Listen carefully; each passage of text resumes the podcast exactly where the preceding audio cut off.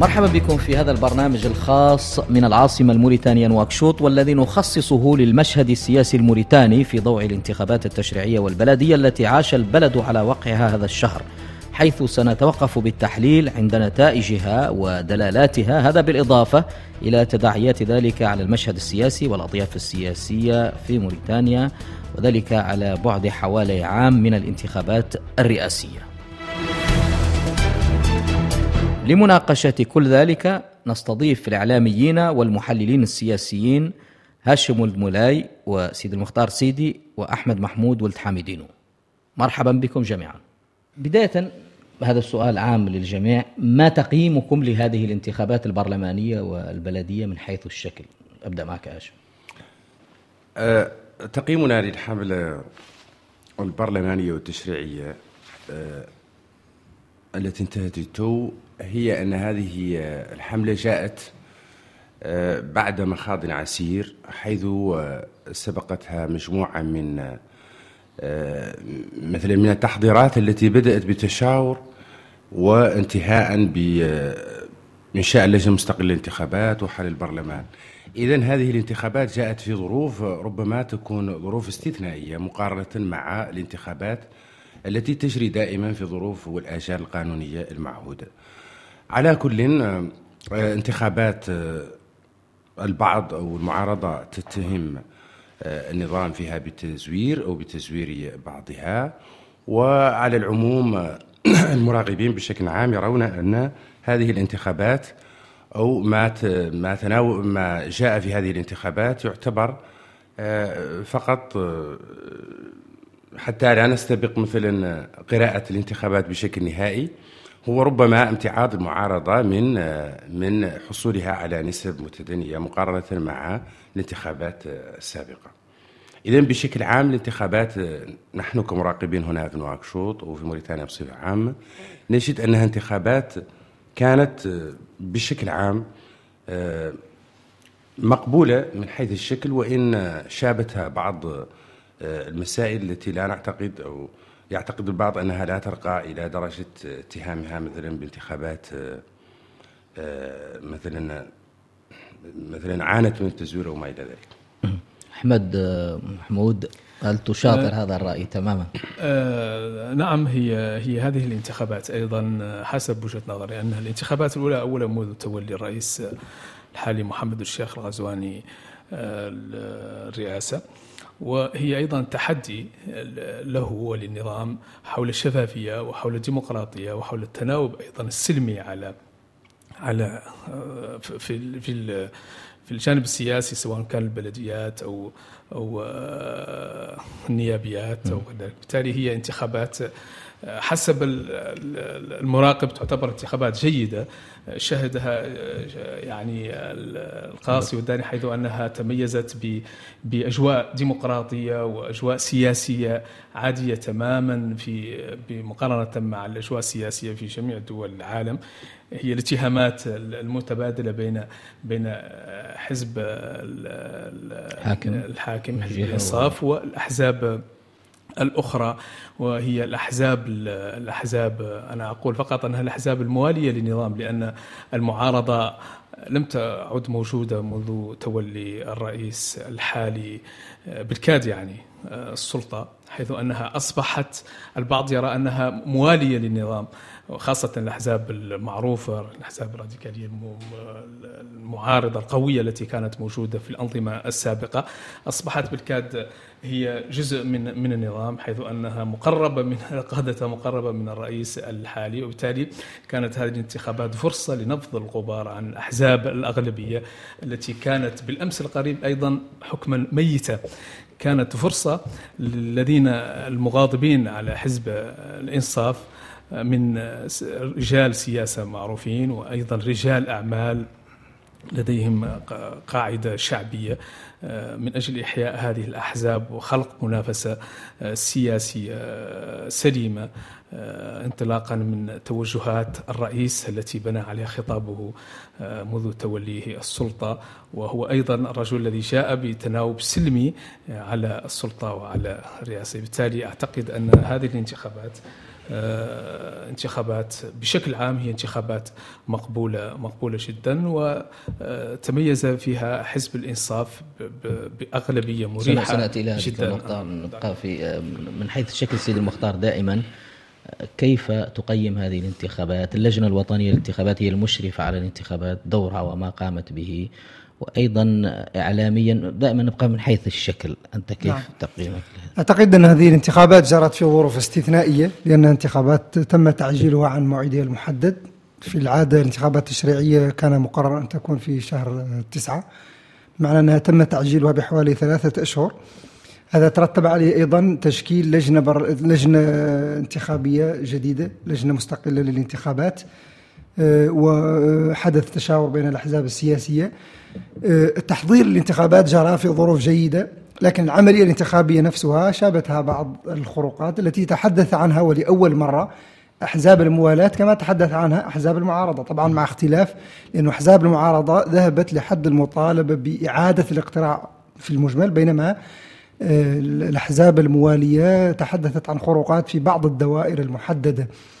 عموما انتخابات أعتقد أنها من حيث الشكل ومن حيث التنظيم كانت مقبولة بالنظر للسياق الذي جاءت فيه وهو سياق استثنائي بالنظر أيضا أن الانتخابات تم تعجيلها عن موعدها وتمت في ظروف يعني أقل ما يقال عنها إنها استثنائية آه، لأنه المعارضة كانت تطالب بان آه، يكون هنالك تدقيق في اللوائح بعد الإحصاء وأن يتم تحديد موعد بالتشاور معها وأن هنالك الكثير من المطالب الإجرائية التي تعتقد المعارضة أنها تم تجاوزها ولكن اللجنة المستقلة للانتخابات ترى أنها كانت أمام ضغوط إكراهات من ناحية التواريخ لأنه البرلمان تم حله وهناك أجل قانوني دستوري محدد. أعتقد أنه لا يتجاوز شهرين بعد حل البرلمان يجب أن يكون لدينا برلمان جديد على ما أعتقد. عموما هي انتخابات كانت مقبولة رغم الخروقات التي شابتها. الآن ننتقل إلى نتائج هذه الانتخابات. انتخابات تمخضت عن يعني فوز الحزب الحاكم بالأغلبية المطلقة إذا صح القول. وأيضا ما يمكن وصفه بانتكاسة للمعارضة التقليدية أو الراديكالية كما قال آه، أحمد محمود يعني ما هي قراءتك ابدا معك أحمد محمود لنتائج هذه الانتخابات بشكل عام؟ آه، جيد كما قلت أن أن هذه الانتخابات تميزت ب باحياء أحزاب أغلبية كثيرة كانت موجودة لم يكن لها يعني صيت في السنوات الماضية. تميزت أيضا بأن المعارضة في هذه الانتخابات حاولت إفشال المعارضة كما قلت الراديكالية والتقليدية إفشال التهدئة ربما شيئا ما من خلال الاتهامات وهذه الأمور تهدئة بينها وبين النظام بين النظام الحالي الذي هذه التهدئة التي بدأت مع الرئيس الحالي محمد والشيخ القزواني، اذا فهناك محاولة لإفشال هذه التهدئة من خلال الاتهامات الصريحة جدا للنظام بالتزوير أو بايضا ربما آه، ينعكس ذلك على النتائج التي حصلت عليها هذه المعارضة مقارنة مع الأحزاب الجديدة الأحزاب التي لم تكن موجودة والتي حصلت على آه، مقاعد في البرلمان وحصلت على بلديات أيضا متفرقة في في جميع نقاط نقاط الوطن عكس هذه المعارضة التي لم تحصل إلا على القليل جدا من المقاعد داخل البرلمان وأيضا لا أعتقد أنها حصلت على بلديات كافية من أجل أن تكون معارضة حقيقية وبالتالي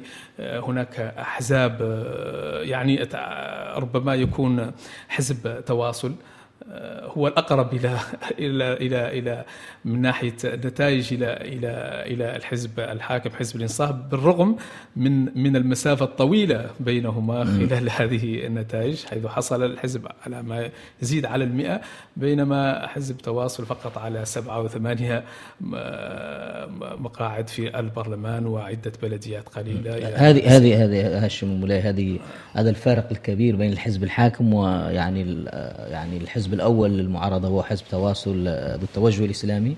أنت كيف شايفه؟ هل يعني كان متوقعا أم أن الاتهامات التزوير كما يقال دور في ذلك أم أنه يعني يعكس يعني أن الموريتانيين بشكل عام يميلون إلى الحزب الحاكم وهو حزب الإنصاف؟ أعتقد أن النتيجة كانت متوقعة.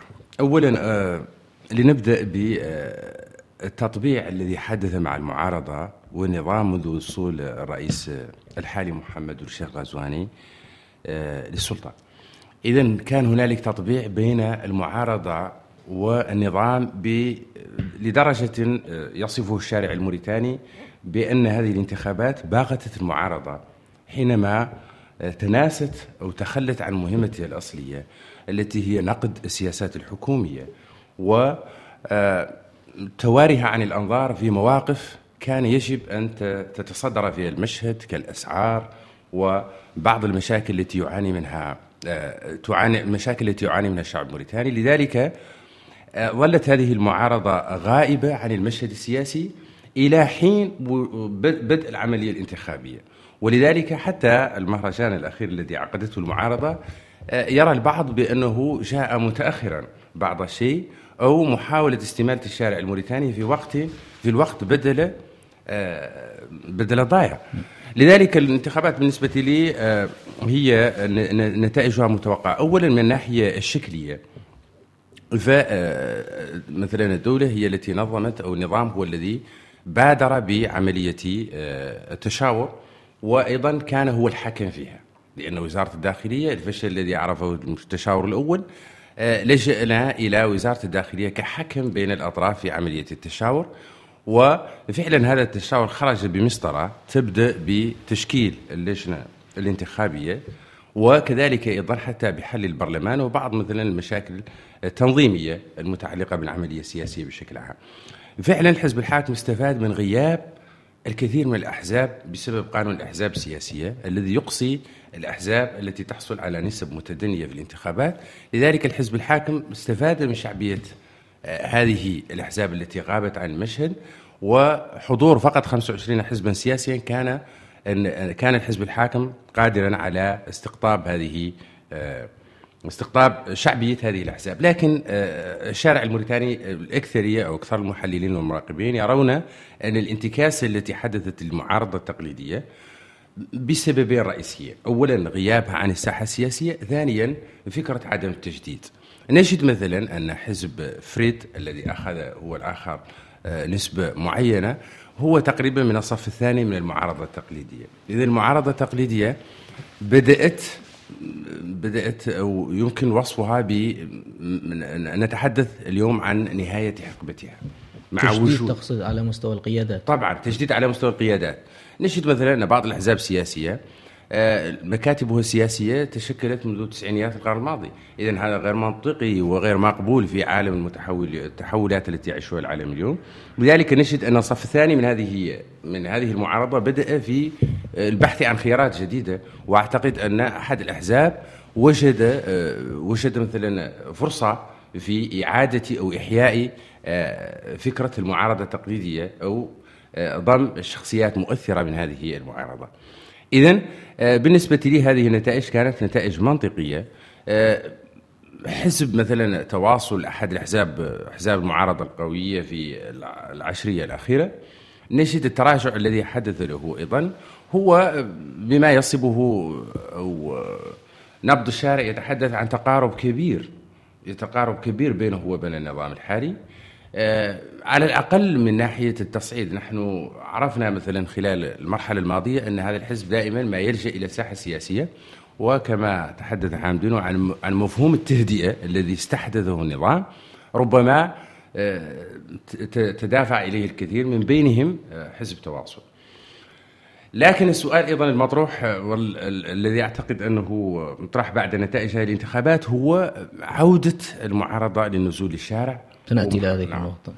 على فكرة يمكنكم يعني التفاعل من دون مرور عن طريق الأسئلة. السيد المختار يعني أشار هاشم إلى ما يمكن وصفه بمعارضة درجة ثانية أو ميلاد ائتلاف معارض جديد ونراه يدخل البرلمان أكثر يعني برز أكثر من المعارضة التقليدية. هل يمكن فعلا أن نتحدث عن معارضة جديدة في موريتانيا في ظل أو ما بعد انتكاس المعارضة التقليدية لهذا السبب أو ذاك. المعارضة التقليدية نقصد هنا الأحزاب التي اعتدنا وكبرنا عليها هنا في موريتانيا معروفة في المعارضة.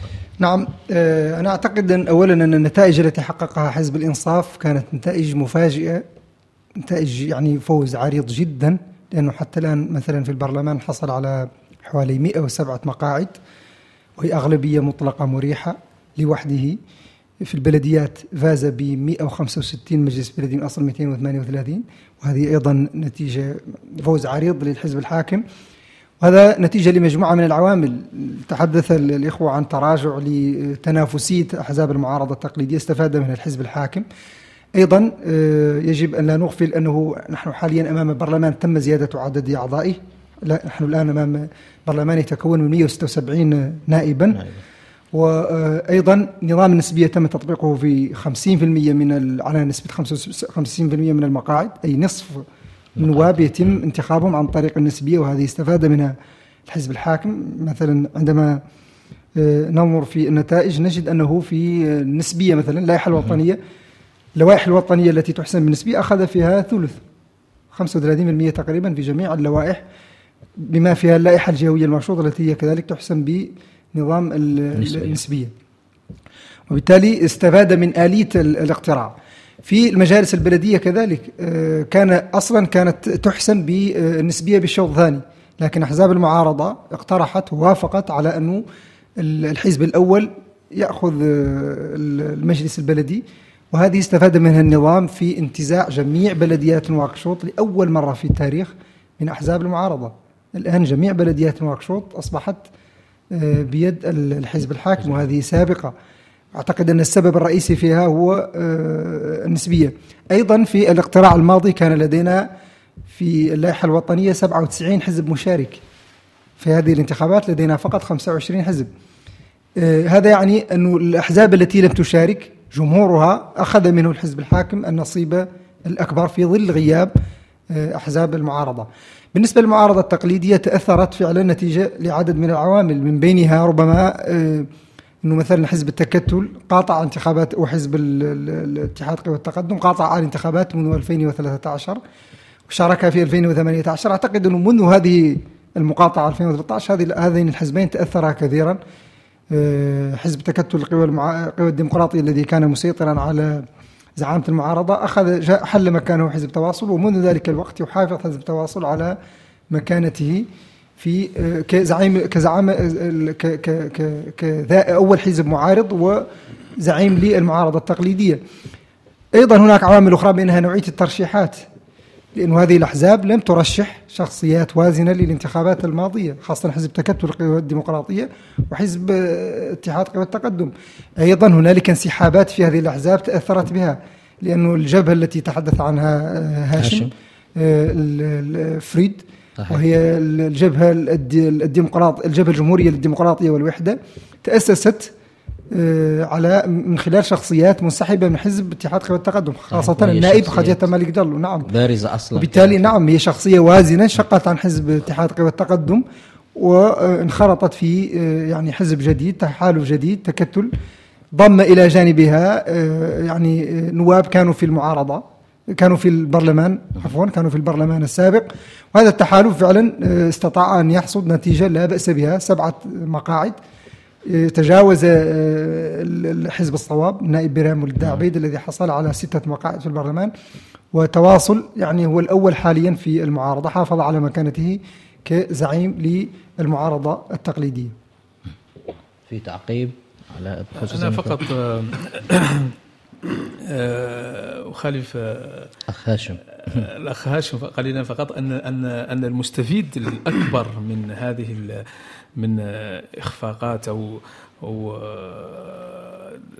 عندما تدفع هاي المعارضة الكلاسيكية ثمن ثمن عدم تغيير الدماء وعدم تغيير الخطاب المستفيد المستفيد الأول لم يكن حزب الإنصاف بل كانت الأحزاب الأحزاب الأخرى الجديدة الداعمة لرئيس الجمهورية ربما وجد هؤلاء أو هذه الجماهير التي كانت آه، موالية للأحزاب التقليدية نفس قليلا حول الشخصيات آه، التي ترشحت في من الأحزاب من الأحزاب الأخرى. وبالتالي آه، هذه المعارضة التقليدية بالكاد لم يكن أو لم يعد لها وجود على الأقل في البرلمان.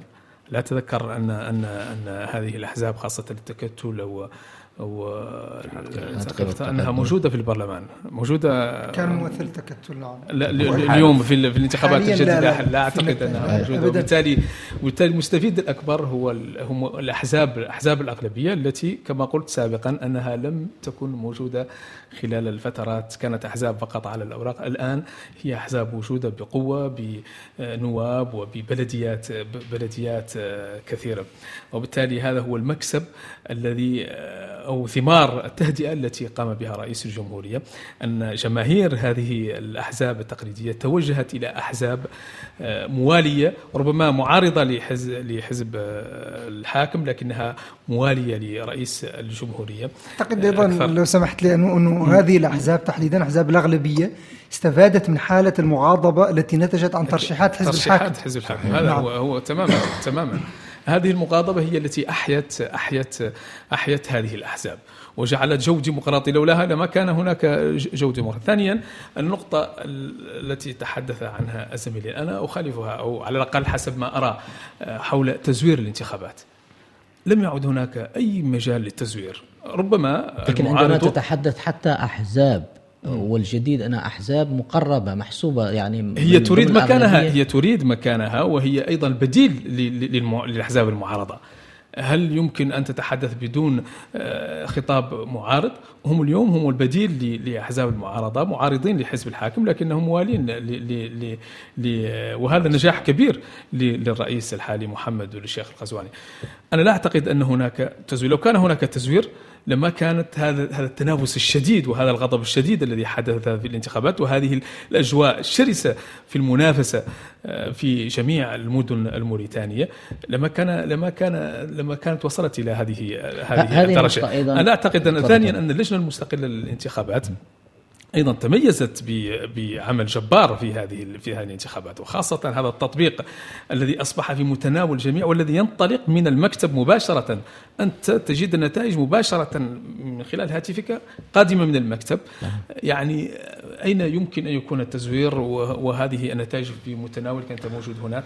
يعني أرقام يعني تطبيق كان أكثر أكثر من رائع وأنا بالمناسبة اهنئ هذه اللجنة على هذا التطبيق وعلى هذا العمل الإعلامي الذي قامت به في في في فترة الانتخابات. نعم فقط أضيف لأنه الأحزاب المعارضة تحدثت عن خروقات تراكمية تراكمت مجموعة من العوامل التي دفعتها للطعن في مصداقية الانتخابات بشكل عام ليس فقط مسألة التزوير لأنه تحدثت المعارضة عن اولا تم تحديد موعد الانتخابات دون التشاور معها. هذا بطبيعة الحال ما تقوله أحزاب المعارضة. المعارضة.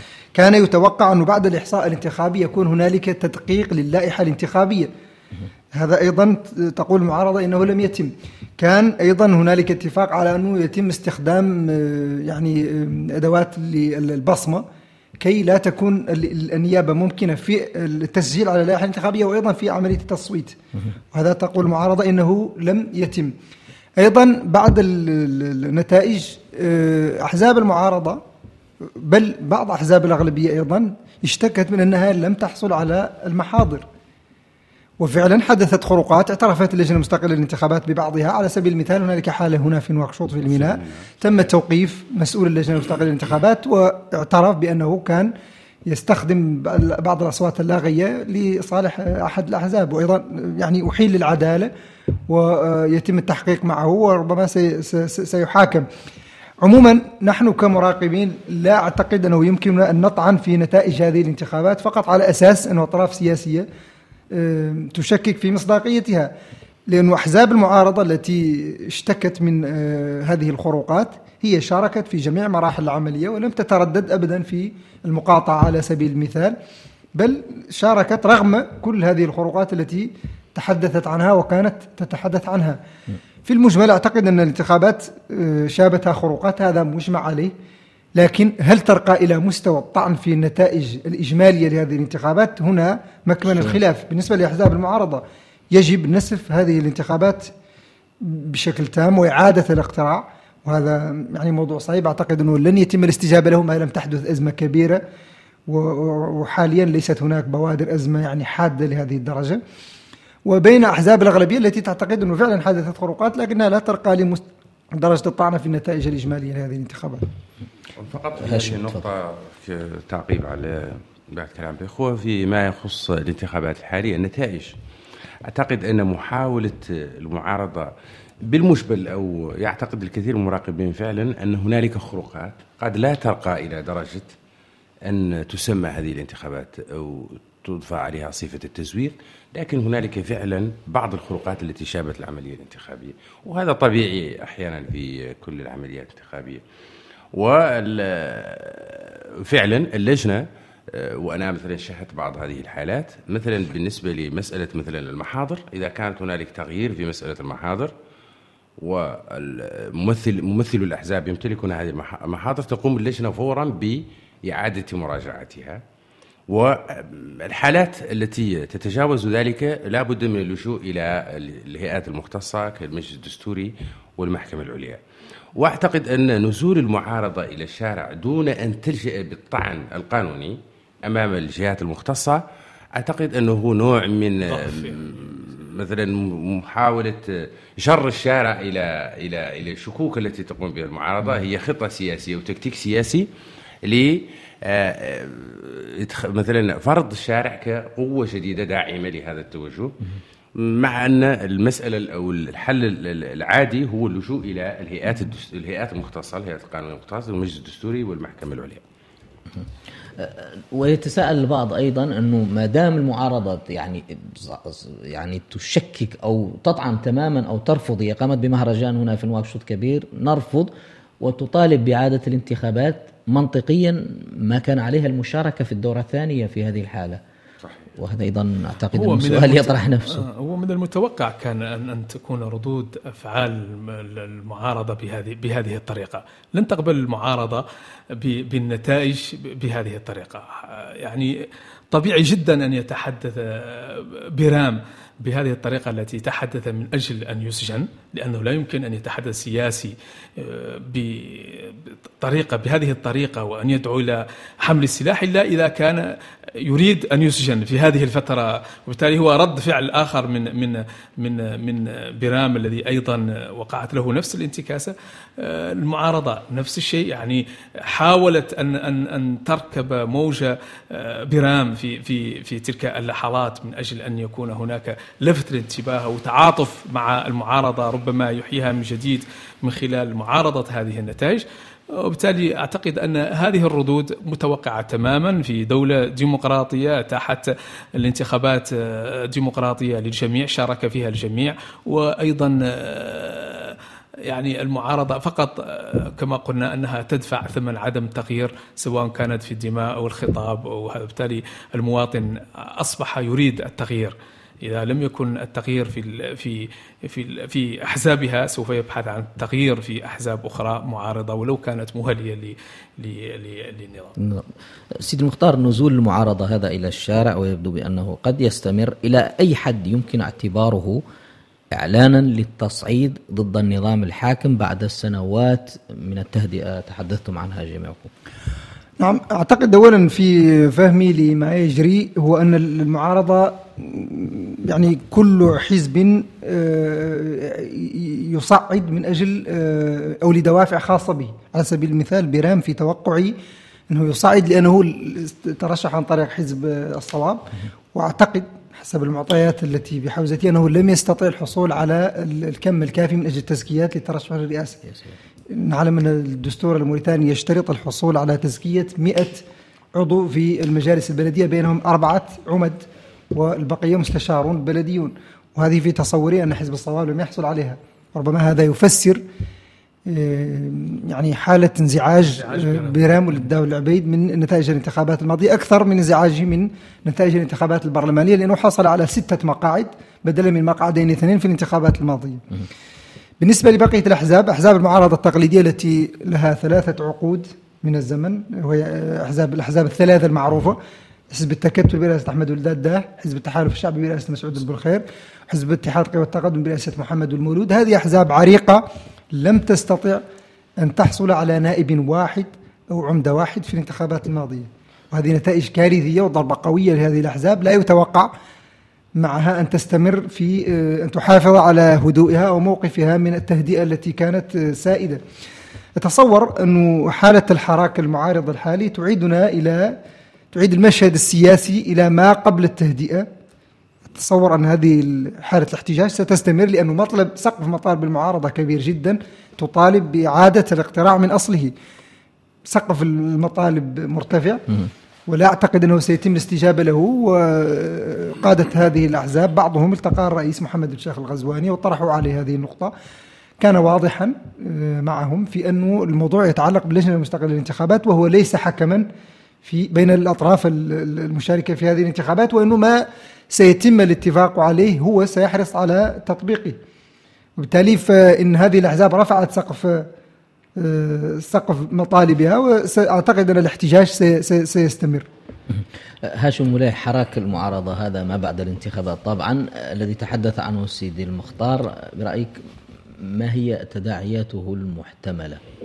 إذا أنا برأيي المعارضة نفسها ونستفيد نعم. منه أكثر في صفوف أنا أعتقد أن حالة التهدئة آه، غير الطبيعية والاستثنائية التي كانت سائدة آه، غير مقبولة أصلا في دولة ديمقراطية الدول الديمقراطية يجب أن تلتزم أن تكون هنالك معارضة وأن تكون هنالك أغلبية حاكمة أو حزب حاكم.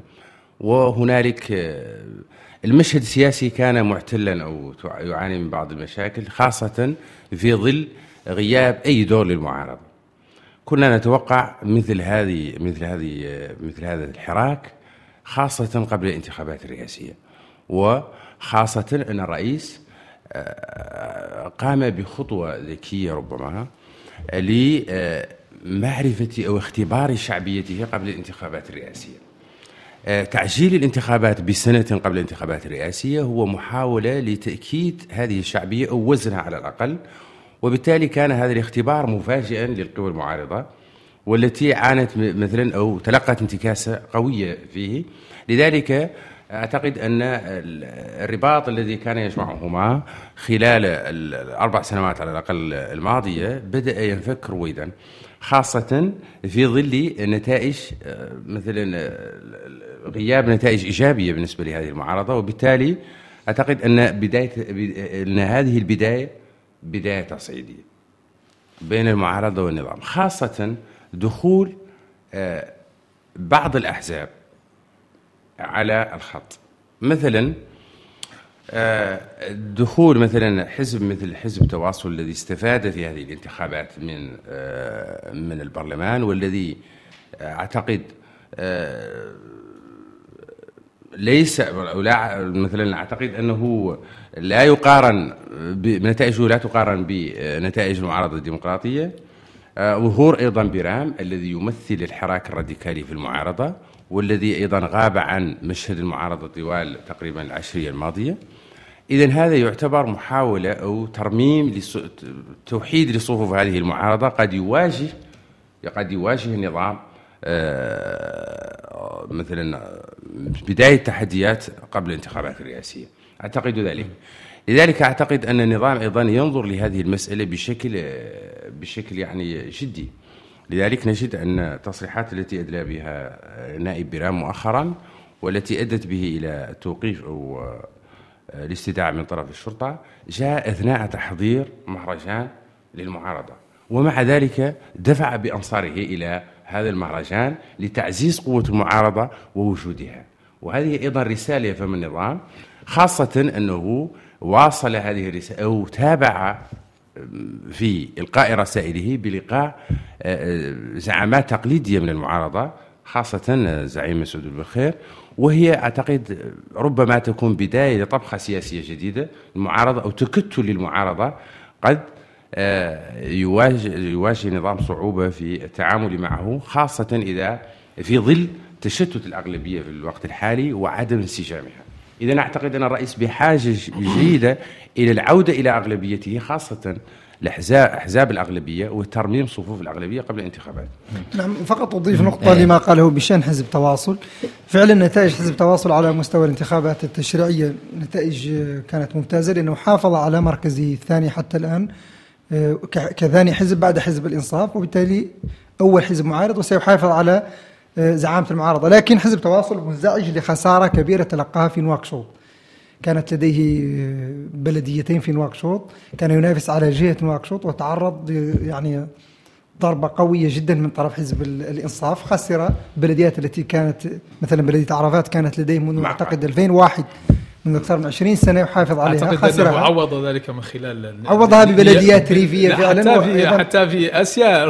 دائرة آسيا حصل عليها. لكن في المجمل أيضا, أيضا في المجمل حتى في حتى نتائجه في المقاعد البرلمانية تقلصت عن ما ما كانت عليه 2018 كان لديه 14 نائب على ما أعتقد. حاليا لديه فقط 11 أي أنه خسر ثلاث مقاعد مقارنة بالانتخابات الماضيه لكن حزب تواصل حزب اعتدنا منه أنه حزب براغماتي 2013 عندما قررت أحزاب المعارضة أن تقاطع الانتخابات استغل الفرصة وشارك وحصل على زعامة المعارضة منذ ذلك الوقت.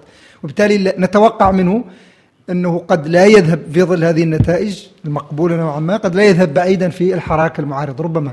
هذا في وهذا السؤال أيضا اطرحه عليك أحمد محمود. يعني هل فعلا هذه المعارضة يمكن أن تعزف على نفس الوتر لمدة طويلة؟ خاصة سيدي مختار أشار إلى نقطة بأن كل حزب معارض أو خاصة برامه لديه يعني هدف معين واضح والأحزاب التقليدية لديها أيضا أهداف معينة تواصل من هنا. هل يمكن يعني لهذا الحراك أن يطول فعلا أم أننا أمام ردة فعل آنية قد يعني الأمور تعود أنا أنا أنا يعني أرشح أن تكون هناك ردة فعل فقط آنية لأننا حتى هذه اللحظة رئيس الجمهورية طوال هذه الانتخابات لم يتدخل في هذه الانتخابات ولم ينحاز لأي حزب ولم يظهر ابدا أنه مع الإنصاف أو مع غير الإنصاف وبالتالي نتائج كانت كما كما شاهدناها. منافسة قوية من طرف هذه الأحزاب وغضب أيضا في حزب الإنصاف ومغادرة بعض الشخصيات بعض بعض الشخصيات القوية داخل الحزب إلى أحزاب أخرى ما خلق منافسة. وبالتالي أنا أعتقد ان أن هذا الشخص شخص رئيس الجمهورية يمتلك يعني عصا سحرية تتمثل في احتواء آه، معارضيه. أعتقد ان أن ما بعد الانتخابات آه، سوف تكون هناك تدخلات من رئيس الجمهورية ولقاءات جديدة كما حدثت مع بدايته مع المعارضة الراديكالية مع يسميها البعض يمكن حالة تنويم. آه وربما ميزاجور أو تنويم للمعارضة آه وبالتالي يبدأ يبدأ التنويم المغناطيسي أيضا للمعارضة خلال الفترات القادمة ما قبل الانتخابات الرئاسية. أنا فقط يعني أنا لا لا أتفق مع الرؤية أو التصور الذي يراه البعض آه، صحيا للحالة السياسية في موريتانيا الحالة السياسية الطبيعية أن تكون هنالك معارضة وأن تكون هنالك موالاة. أكيد. مثلا إشارة حامدين على أن الرئيس وقف متفرشا على المشهد أو وقف في موقف الحياد أنا من وجهة نظري كان على الرئيس أن يدعم أغلبيته بتصريح لأنه يخوض انتخابات تشريعية قبل رئاسية. بالنسبة لي لا يجب أن يكون الموقف متفرج. لأن الرئيس هو جزء وماذا تقول دعني ماذا تقول في في في الخطاب الذي أو التهديد الذي قام به الوزير الأول؟ لا أعتقد. بالنسبة لي بالنسبة لي الوزير الأول الوزير الأول الوزير الأول أنا سمعت له أحد التصريحات قد ربما تضر ب فقط للمستمعين يعني ماذا التهديد ما لو يعني عندما تحدث الوزير الأول حول أن ان أن ليس هناك أي مجال وأن من دعم ضد حزب الإنصاف سوف يعاقب و يعني يتحدث عن أحزاب. الأغلبية الأخرى يعني نعم، تحدث أن من توجه إلى أحزاب المعارضة الأغلبية الأخرى أنه سوف يعاقب يعني باختصار. اذا هذا تصريح وان حزب وأن الدولة لن تنساه. أعتقد أن التصريح كان في سياق الترشيحات والمغاضبة. أثر نفسيا على بعض المترشحين بعض المغاضبين الذين ذهبوا من حزب الإنصاف إلى أحزاب أغلبية أخرى. وأثر نفسيا على من انضموا إلى هذه الأحزاب. لكن رئيس الجمهورية لم يتحدث حتى هذه اللحظة. وأنا استمعت وأنا أتوقع أنه سوف يتحدث بعد بعد وأنا استمعت لهذا التصريح من الوزير الأول. آه. رغم أنه جاء آه، في الأسبوع الأول من الحملة وقد أثر أيضا آه، سلبيا على تماسك الاغلبيه اذا بالنسبة لرئيس الجمهورية رئيس يترشح بدون حزب حاكم يترشح مستقل.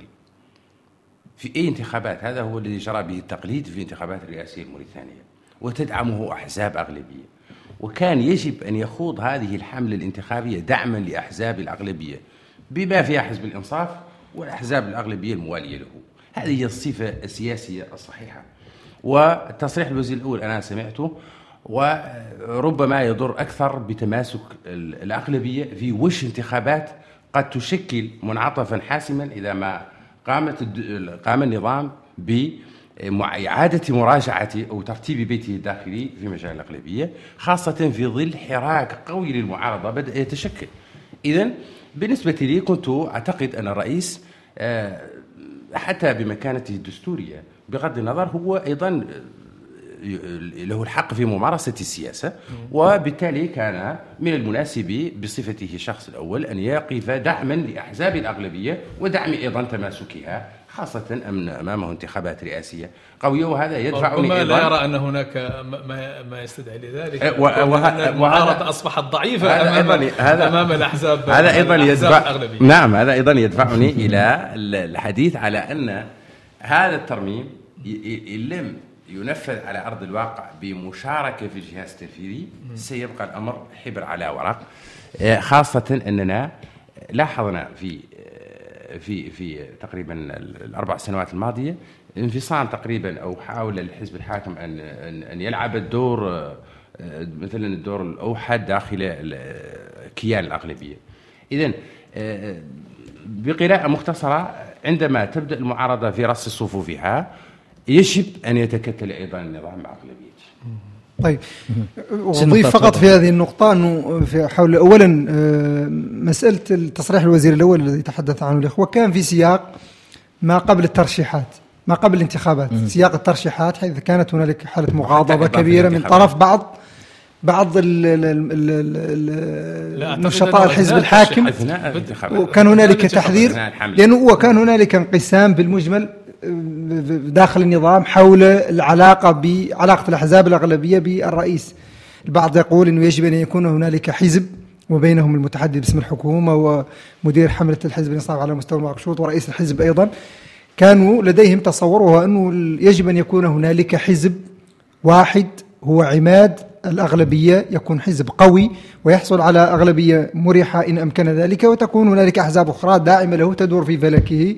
هذه فلسفة هنالك فلسفة أخرى داخل الأغلبية تقول أنه لا هنالك أحزاب أغلبية متساوية في دعمها للرئيس ويمكنه أن يعول عليها كلها.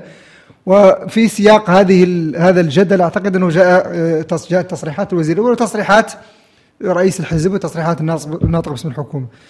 فيما يتعلق بعلاقة الرئيس بالمعارضة أتذكر أنه الرئيس محمد الشيخ الغزواني في أول مقابلة صحفية له مع صحيفة لوموند كانت بعد وصوله للرئاسة أعتقد في شهر 11 من 2019 على ما أتذكر قال أنه هو لا يريد للمعارضة أن تكون موالية لا يريد تغيير المشهد السياسي يريد المعارضة أن تكون معارضة والموالاة أن تكون موالاة ولكن أتصور المعارضة خرجت من عشرية الرئيس السابق محمد بن عبد العزيز منهكة وكانت ترغب في أن تكون هنالك تهدئة تأخذ وقت من التهدئة مع النظام. لكن على ما يبدو أن هذه المعارضة خاصة المعارضة التقليدية لم تستغل فرصة التهدئة من أجل إعادة ترميم ذاته أو يعني إضافة قوة تنافسية ما قبل الانتخابات. الحين أن نتحدث عن الانتخابات المقبلة وهي الأبرز والتي تتوجه إليها الأنظار الآن؟ تبقى تقريبا أقل من سنة أو حوالي سنة من هذه الانتخابات.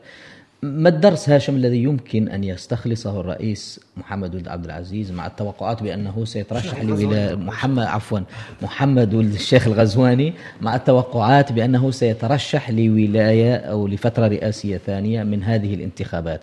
ما النتائج التي تمخضت عنها والتجاذبات السياسية ما الدرس الذي يمكن أن يستخلصه؟ فعلا هي الانتخابات الحالية هي, هي أولا اختبار من الرئيس لشعبيته واختبار يتعرض له الرئيس من المراقبين خاصة هذه الشعبية هي هي المشكل له أو المشكل لأغلبيته. بالنسبة لي أعتقد أن أن أن نجاح الحزب الحاكم آه، في هذه الانتخابات وبهذه النسبة آه، لا يمكن مثلا عقد مقارنة بينه والانتخابات الرئاسية لأننا في وضعية نسبية كما أشار الأخ والتي استفاد منها الحزب كثيرا. لذلك من يعول على هذه الانتخابات على أنها اختبار حقيقي يجب لا أعتقد أن حزب الحاكم فقط قادر على خوض الانتخابات الرئاسية لوحده لدعم الرئيس في الانتخابات المقبلة. وبالتالي أعتقد أن الرئيس اليوم أمام مشهد سياسي يتكون من أحزاب الأغلبية وأحزاب المعارضة. بطبيعة الحال مشهد سي بالنسبة للأحزاب الأغلبية هنالك أغلبية مريحة ومطلقة داخل البرلمان لكن هذه الأغلبية جاءت في إطار تشريعي وبلدي وليس انتخابات رئاسية التي دائما ما تكون هنالك فيها آه، مثلا آه، استقطابات تجعل آه، تجعل مثلا الأمر يختلف عن الانتخابات التشريعية. لذلك أعتقد أن هذا الاختبار للشعبية سيجعل الرئيس فعلا أمام آه، معرفة الدوائر التي يمكن أن تحسم له الفوز. اذا هو اليوم أمام رؤية واضحة للدوائر الانتخابية في البلد القادرة على حسم الفوز له وبالتالي أعتقد أن كما أشرت سابقا على أن محاولة إعادة ترميم البيت الداخلي للاغلبيه هو آه، هو هو التحدي الأبرز للرئيس في وجه الانتخابات المقبلة. صحيح أن المعارضة بدأت آه، من خلال نزولها للشارع تحاول أن تتشكل من جديد وهذا ما يجعل الرئيس أيضا مطالب آه، فعلا والنظام بشكل عام مطالب. إذا كان يقرر إذا كان وكما قلت المؤشرات كلها تدل على أنه على أن الرئيس محمد الشيخ غزواني سيذهب إلى ولاية جديدة سيترشح لولاية جديدة. لذلك عليه أن, يست... أن الاستعدادات الآن بدأت مع نهاية العملية الانتخابية الحالية وقراءة الخريطة السياسية الوطنية اليوم. أحمد محمود نفس السؤال تقريبا لكن بالنسبة أيضا للمعارضة ما الدرس الذي يمكن أن تستخلصه حتى تجهز نفسها للانتخابات المقبلة في ضوء طبعا نتائج هذه الانتخابات وما حصل خلال هذا الشهر؟ ما الدرس الذي يمكن أن تستخلصه المعارضة وما تداعيات أصلا هذه الانتخابات بشكل عام على الانتخابات المقبلة الرئاسيه طبعا. أنا لدي تصور أن المعارضة لا تستخلص العبر أنت مع أنت يعني مع من, من التجارب الطويلة التي, التي مرت بها. لو كانت تستخلص العبر لكان هناك تغيير داخل المعارضة لكانت هناك دماء جديدة داخل المعارضة ربما تستفيد منها اعتقد بأننا أيضا لا يجب أن نتحدث و... عن المعارضة و... لأن في اخت... برامه يعني معارض حديث أصلا ليس هناك تفاهم مع المعارضة الأخرى. نعم. هناك معارضة جديدة نعم. حتى التي الائتلافات الجديدة. برام أيضا ربما فهم الرسالة التي وجهت له خلال هذه الانتخابات أن أن هناك يعني تناقص واضح جدا في شعبيته خلال خلال خلال هذه السنوات أو على الأقل الأشهر القليلة الماضية. هناك من الجماهير جماهير برام التي لم تعد ترتاح إلى خطاب برام العنصري خطاب خطاب برام الذي يدعو إلى العنف إلى الكراهية. ربما الكثير من المواطن خاصة عند تدخل شخصيات بارزة في مناطق كثيرة يعني داخل مناطق داخلية في في الوطن ويعني توضيح لخطاب رئيس الجمهورية وأيضا شرح وترعيب المواطنين من من خطاب العنصرية الذي غالبا ما يتحدث عنه برام وبالتالي برام أيضا وهذا هو ما قاده إلى الحديث بهذه الطريقة من أجل لفت الانتباه كما أيضا فعلت المعارضة. أنا أعتقد أن هناك رسائل كثيرة. اولا أن خلال هذه الانتخابات وأنا تجولت في الداخل في بعض مدن الداخل من يعني الجماهير التي غادرت حزب الإنصاف وتوجهت إلى أحزاب أخرى كلها يعني تتفق على يعني حب الرئيس أو الرئيس محمد الشيخ الغزواني و الهتاف باسمه وحتى قادة هذه الأحزاب تتحدث عن الرئيس وهي تعارض تعارض النظام وتعارض الحكومة وتعارض آه، حزب حزب الإنصاف. وبالتالي الرئيس ربما فهم أن هناك جماهير عريضة جدا تريده للترشح في الانتخابات القادمة.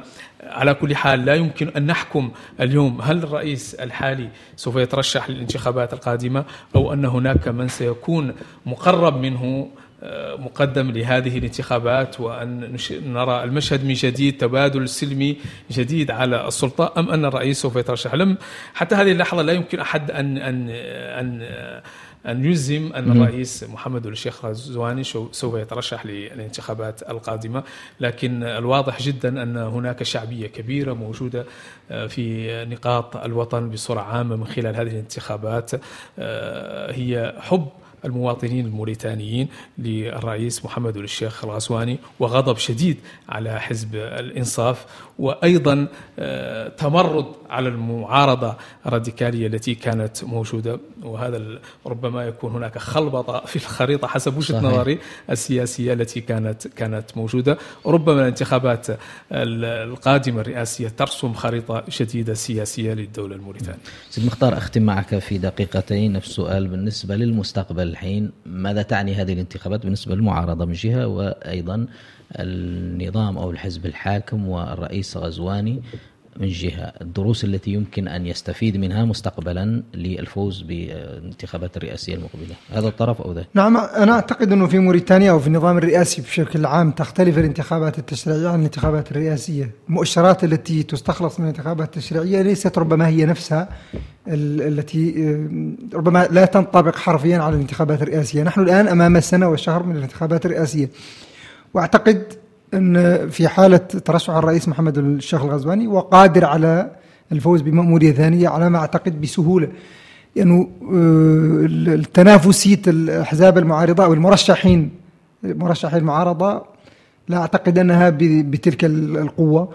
اللهم إذا اتحدت أحزاب المعارضة خلف مرشح واحد وليكن مثلا برام الذي حل في المرتبة الثانية في الانتخابات آه، آه، بشرط وجود مرشحين مستقلين في الانتخابات الرئاسية لديهم قدرة على آه، يعني الحصول على نسبة من شعبية المرشح الرئاسي للأغلبية. هذا قد يدفع إلى الوصول لشوط ثاني. ولكن أنا أعتقد أن الظروف مهيئة للرئيس محمد الشيخ الغزواني من أجل خوض مأمورية ثانية بسهولة إذا أراد ذلك. طبعا بقية سنة يتوقع أن نشهد حكومة جديدة بعد الانتخابات التشريعية الشهر المقبل. يتوقع أن تكون هنالك حكومة جديدة حكومة ما قبل انتخابات رئاسية. ستكون هناك تغييرات في الحكومة حتما.